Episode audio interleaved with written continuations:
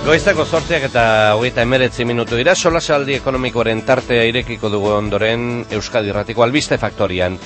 Lander Beloki eta Mikel Navarro ditugu azken albistea jorratzeko Lander Beloki Mondragon Unibertsitateko Enpresaritza Fakultateko dekanoa Egunon, Egunon bai. eta Mikel Navarro Deustuko Unibertsitateko Ekonomia Katedra dun eta Orkestra Fundazioko ikertzailea Egunon. Egunon. Eta ongi etorri Mikel e, zu jarriko zaitugu hizketan, Oh. zehen justu Mikel Navarro egunotan lan kostuak, esportazioak eta lehiakortasuna aztertu ditu bi lanetan. Egia esan, e, azken urte hauetan maiz entzun dugu Euskal Enpresetako lan kostuak apaldu beharra dagoela nazioarteko merkatuetan atzera egingo ez badugu. E, Mikel Navarro, ze ondorio atera dituzu azterketa hauetan? Bai, e, horrekin kezkatuan nengoen, ze behin eta berriro aipatu degunez, barne eskaria eroita dagoen ezkero, ba, langabeziari eta olakoei aurre egiteko esportazioa da gure irtenbide bakarra, da? Eta esportatzeko ekonomiek beti irtenbide bat ematen zuen, devaluazia. Moneten devaluazia. Moneten devaluazia ez da posible egitea ze euroen barruan gaude, tresna hori ez daukagu gure eskutan, eta orduan ekonomilariok behin eta hori ez dute. Bueno, orduan, barne devaluazia egin behar dezute. Eta zer da barne devaluazia? Bazkenian, ba, herri horretako e, kostu eta prezio geistea. Eh? Eta kostu eta prezio hoien artean, importantenetako bat, lankostua dira. Eh? Orduan, e, hortaz kezkatuta, hasi nintzen behiratzen ba, lankostuetan. E, lankostuetan e, bi elementu daude. Eh? Hau da, e, produktu baten barruan dagoen lankostua bi faktorek erabakitzen dute. Alde batetikan, langileri zenbat ordaintzen zaion. Eh? Soldatapeko lankostua deitu genezakena. Eta bestetikan produktibitatea. Eh? Ba, baliteke langile bati asko ordaintzea, baina langile horrek pieza asko egiten balin baditu, kostu hori pieza askoen artean banatuko da, eta pista bakoitzen egongo dan kostua txikia izango da. Orduan, bi elementu horiek batera hartu behar ditugu. Eh? Eta bi elementu horiek batera hartzen baldin badego, ba, sortzen zaigu konzepto bat, ba, unitateko lankostua, hau da, unitate batean dagoen lankostua. Bueno, hori horrela, azalpen labur hori eman da gero, nola gaude horretan. E, hemen eta Espainian gauzak diferenteak dira, bueno, ba, krisia iritsi arte, e, hemen eta Espainian gauzak apur bat diferenteak ziren. Bietan hala ere, e, ikusten gendun unitateko lankostuak gehiago azten ziela gainerako tokitan baino. Eh? Hau da, krisia iritsi arte, unitateko lankostuak azkunde biziago zuten Espainian eta Euskal Autonomia Erkidegoan atzerrian baino. Printzipio horrek ekarriko luke lehiakortasun galera. Eh? E, ikusiko dugunez hori ez da beti horrela gertatzen. Eh? Ze garai hartan esportazioa korakasi joazten. Eh? Baina printzipioz, krisia iritsi arte, lankostuak gehiago azten ari ziren e, Euskal Herrian, eta horrek e, ekarri beharko luke Euskal produktuen e, e, kuotak, merkatu kuotak, e, jistea eta jistea. Krisia iritsi eta ze gertatu zen. Ba, krisia iritsi eta Espainia eta Euskal Autonomia Erkidegorain prozesuak guztiz desberdintu ziren. Gora berak izan dira, Eh? ez da? Bai, e, bere ala Espainian hasi zen e, nolabaiteko e, alokairu e, doikuntza edo alokairu ajustea, e, alde batetikan langabezia e, oso altua zen, e, sindikatuak ere aulagoa dira, eta orduan han e, alokairu inigoerak moderatzen hasi ziren. E, hori langabeziaren efektoz eta baita ere Rajoik e, lan merkatuan egindako erreformen ondorioz, ba, han hasi zen berehala alokairu moderazia. Eta horrekin batera, e, langilei gutxiago ordaintzaz aparte, produktibitatea erruz hasi zen. Hm? E, beti esan izan da Espainiako ekonomiaren arazoa produktibitatea zala, baina justu krisi ondoren ikusten dugu produktibitatea asko onditzen dela. Baina nola lortzen dute produktibitatea onditzea? Oso errez langileak kaleratzen. Eh? Berdina, jende gutxi horrekin egiten. Euskal Herrian, krisia lertzen danean ez da horrela gertatzen. Eh? Alde batetikan hemen langabezia ez da hainbeste igotzen, sindikatuak ere fortago dira, eta orduan soldatak alde batetikan ez dira hainbeste apaltzen, eta besteletikan ere e, enpresek bere langilei eutxe egin zieten, mantendu egin zituzten, eta produktitateen askundiak ere ez ziren handiak izan. Orduan, krisia e, lertu eta urrengo bi urtetan e, Euskal Autonomia Erkidegoan lankostuak, unitateko lankostuak igotzen jarraitu zuten. Hm? Hau da, prinsipioz, kompetititatea galtzen segitu gendun. Espainian ez bezala. Eh? 2000 sortzitik 2000 amar arte, Espainian e, lehiakortasuna berreskurazten azten dira, eta Euskal Autonomia Erkidegoan unitateko lankostui begira, behintzat, ba, e, kostuak atzerrean baino handiago gehiago azten diren ezkero, hemen kompetititatea galtzen dugu. Baina 2000-tik aurrera gauzaia azten dira aldatzen. Eh? E, bueno, ba, galdu dira, eh? enpresek zeuzkaten reservak krisi aurre egiteko, eta azkenean, bueno, langabezi ere goraka dijoa, eta azkenean Euskal Herrian ere, azten gara ikusten 2000, 2000 marretik aurrera, e, soldatak murrizten azten diela, baita funtzionarioi ere, eta enpresak e, enplegua galtzen azten diela. Eh? Eta enplegu galtze horri esker, produktitateare haunditzen azten da. Eza? Orduan, 2000-tik aurrera, ba, nire ustez, e, ajustea egiten azten da Euskal Autonomia Erkidegoan eta neri irudiz e, urrengo, bueno, urte hau eta urrengo azurasko bide horretatik jungo dira. Eh? Zer ekarri du horrek? Ba, besteak beste, Espainian e, doikuntza, alokairu doikuntza edo lankostuen doikuntza horrei esker esportazioak erruza onditu dira. Hm? E, barnezkari asko hori da eta konpentsabide bat esportazioak izan dira esportazioak ez dira nahiko izan barnezkerien erorketa guztiz konpentsatzeko, baina e, ia zan Espainiako e, kanpo sektorea nahiko ondo junda. Eh? Ni horatzen naiz 2006, 2008an Espainiak e, kontu korrentean e, defit batzukan barne puto gorinaren euneko amarra edo. Eh? Hau da, minus euneko amar. E, aurten, segurazko, superabita izango du eh, euneko bat, eta datorren urterako euneko biko superabita, eh, aurrekusten da. Hau da, Espainiak esportazioak erro zanditu ditu eta importazioak gutxitu. Euskal Herrian esportazioak eh, handitu dira, baina Espainian eta gainerako herrialdetan baino gutxiago. Eh? Orduan, esportazioan atletik, eh, langabeziari eta askundeari irtera bat emateko guztiz premiazko zaigun e, variable hortatik e, esportazioak ez dira behar bezain ongi jokatzen ari Euskal Herrian. Eh? Ordon, haunditzen ari dira 2000 eta arte bai, esportazioak haunditu dira Euskal Herrian, baina 2000 eta amabian, beste herrietan ez bezala, e, esportazioen balioa apur bat jetxia. Eh? Eta datu hori niretzat oso kezkarria da. Landerzuk e, jakina izango zenuen e, azterketa ikerketa eta emaitza bai. hauen e, berri ze iritzi duzu oro har. Ez, nik uste, Mikelek oso argi eta garbi azaldu dula, e, txosten honetan jasotzen dena nik, e, zer ba, ekarpen gehiagarri bat egitea aldera, e, bai aipatuko nuke, txosten honetan jasotzen dena da, Euskadin kokatuta dauden enpresen, edo Euskadiko ekonomiaren, ba, bilaka erasen ganazek, ez? Honi gehitu beharko genioken da, zekero eta gehiago dira, jatorriz eta jabetzaz Euskadiko enpresak izan arren, e, kanpora saltzeaz gain, kanpoan produzitzeuten enpresen egoera, ez? Edo hiek hemen ez, ez dira jasotzen, ba beste erreale batzut dialako, eta gero eta gehiago dira. E, bakar bakarri mugatuko aldi kooperatiba mundura, iruro eta planta produktibo, baino gehiago daude munduan zehar banatuta, eta hoiekia, beste modu batera jokatze dute, ez jator e, dauden kokapen horretako ba, kostuak dituzte bere gain, bertako soldatak dituzte bere gain, bertako kontratu baldintza dituzte bere gain, eta errealideak desberdina dira. Ez? Eta bai,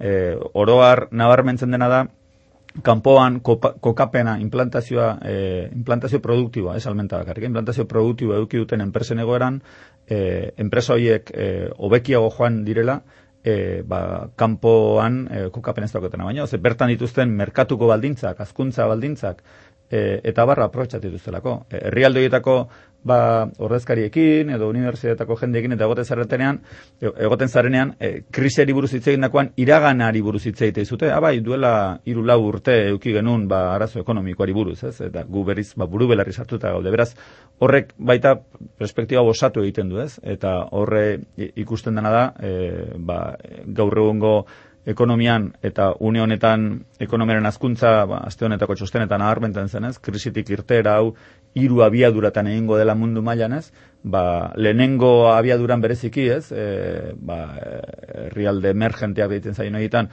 kokapenak eukitzeak, ba, e, e, abantaila kompetitibo garrantzitsu bat ematen die enpresei, bertako merkatuen azkuntza eta zaprobetxatzen dialako. Mm.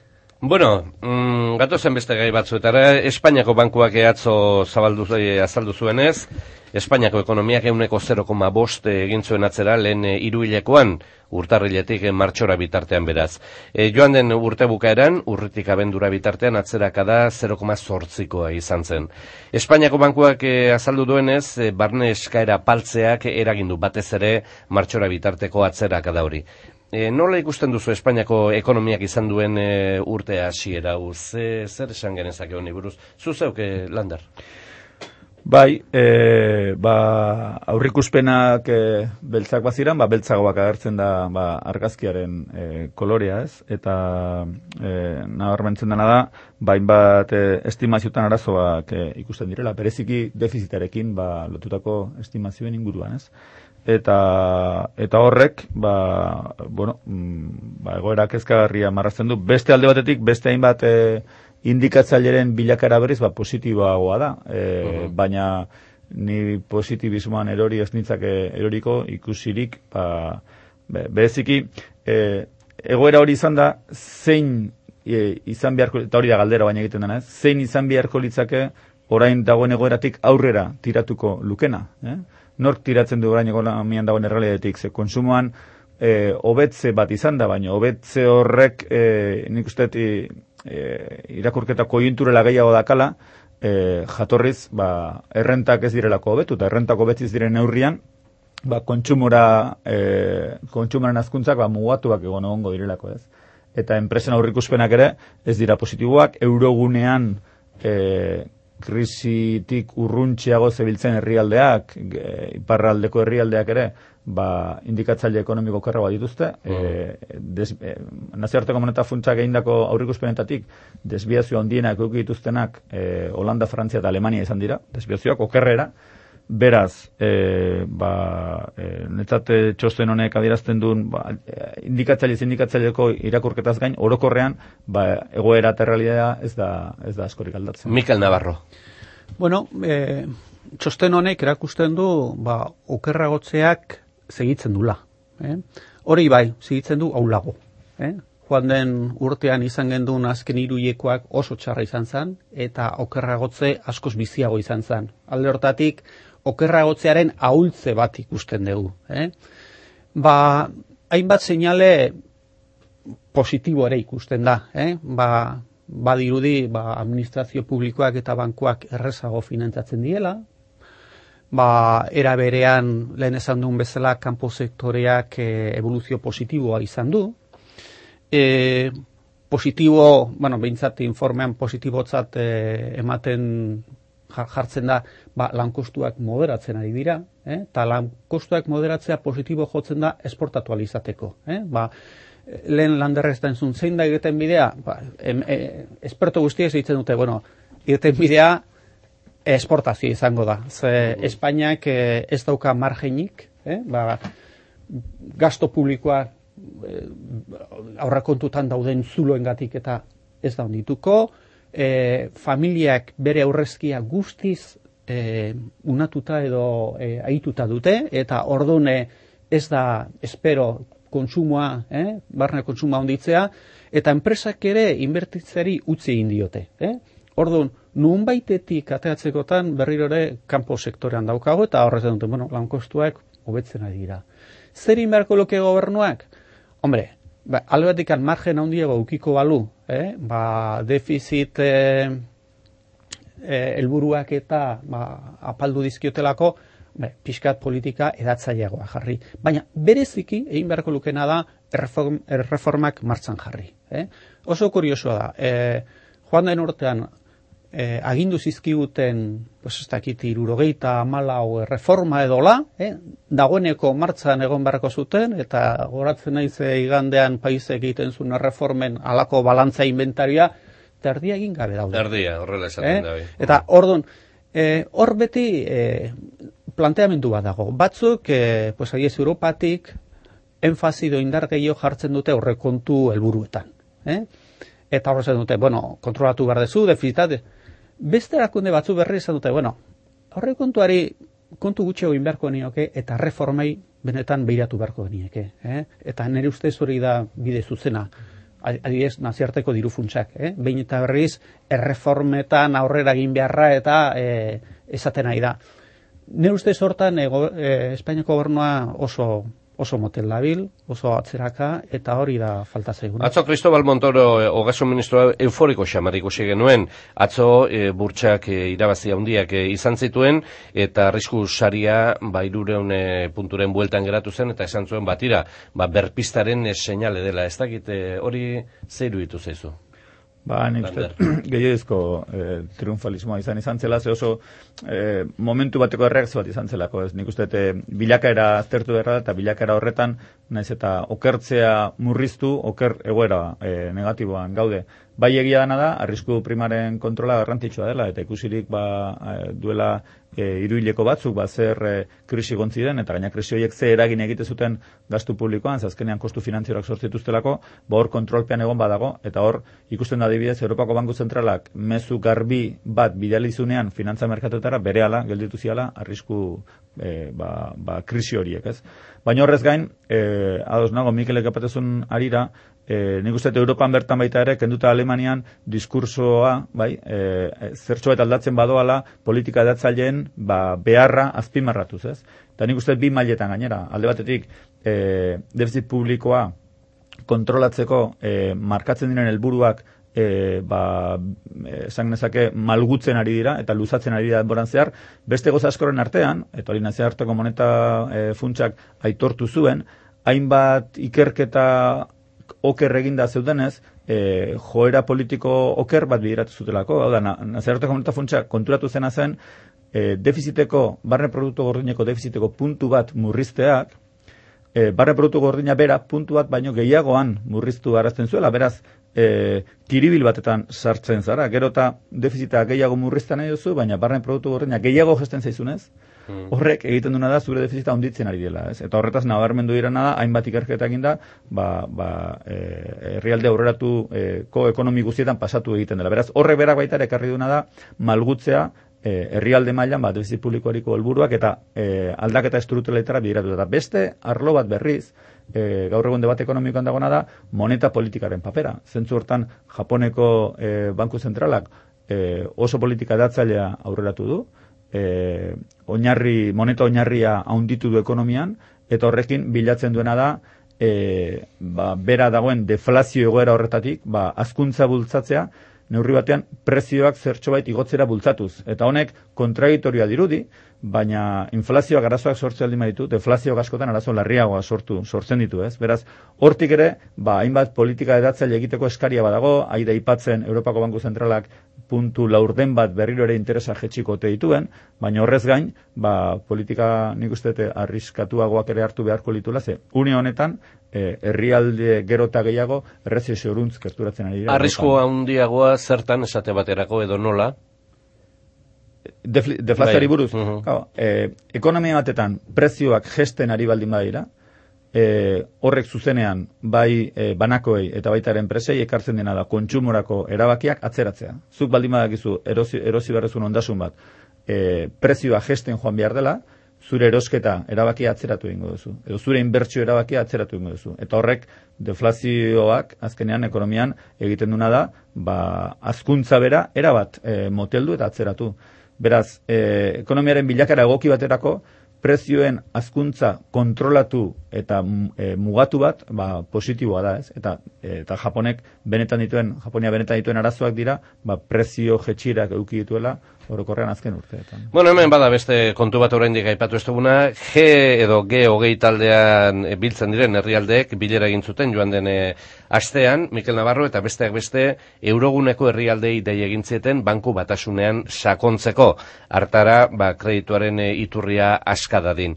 E, berez, e, datorren urteko martxoan, jarri behar dute martxan, begirale bakarre berri hori, banku batasunarekin konfiantza handituko da eta kreditu errastuko da ze iritzi duzu? Bai, bueno, hori erabat e, beharrezko zen e, neurria, eh? E, diru batasuna sortzen danean, Europan, ja, hankasartze handi egin zuten, ba, horrekin batera horrekontu politika komunitaria ez jartzean. Eh? Ba, zu behiratzen baldin baduzu diru batasunak funtzionatzen, ondo funtzionatzen dut tokitan, ze gertatzen da, ba, beti diru politika eta horrekontu politika batera jundira, eskutik jundira, eh? estatu batetan, alegia. Hemen, lehenengo erabakia izan zen, bueno, ez ditzagun nastu biak. Bueno, lehenengo hanka sartzea, gaur egun ikusten ari garena. Eta bigarrena bera izan zen, ba, diru batasun hori aurrera emateko, banko zentral bat sortzen dute, baina banko zentral bat mugatua. Eh? Hau da, banko zentral batek dauzkan kompetentzia guztiak ez dauzkanak. E, dirua e, jolkitzeko edo kontrolatzeko badu, baina ez du e, gaitasunik adibidez gobernuei dirua prestatzeko, hau da, e, beti esaten dena prestamista ultima instancia, ba, paper hori ez dauka, adibidez Japoniak eta Estatuetako e, banko zentralak egiten dutena, eh, Bernarke eta tabar, eta bigarrena, ba, aria horretako bankua kontrolatzeko ere gaitasunik ez du. Eh? Orduan ze gertatzen da? Bueno, e, Europako Banko Zentrala dirua ematen ari da, diru emate horri esker, ba, bankuak bere e, larritasuna konpondu dute, bere likidezi arazoak konpondu dituzte, eta azkenean, lehen aipatu duen bezala, ba, gobernuei ere, zehar bidez ere, ba, lortu dute geizkizu den gobernuak e, arrisku prima hori geistea, konforme. Baina, Europako Banko Zentralak ez dauka almenik diru hori partikularrei iristeko. Eh? Eta hor gaude, partikularrak e, gizabanakoak eta enpresak kreditorik ez daukatela. Orduan, Montoro oso pozik egongo da, arrisku prima jetxialako. Baina Espainiako enpresak edo Euskal enpresak zutan daude. Zergatik? Ba, puntu gehiago ordendu barutelako, kreditorik ez dutelako, eta bartabar. Horretan aurre egiteko, ba, azkenean banko batasuna behar dugu. Eh? Eta hortan orain arte, ez dugu beharrein bat aurre egin, besteak beste, Alemania bildur dalako eh? ba, banko batasuna baldin baukazu, banko e, batasun horretako arduradunak, Alemaniako bankotan muturra sartzeko eskubidea izango du. Ta Alemaniak ez du. Ez du nahi. nahi. bueno, tira oso garbi geratu da hori. Lander Beloki eta Mikel Navarro, mila esker zuen iritziak hemen utzi zen egatik ondo izan. Ondo izan, agur.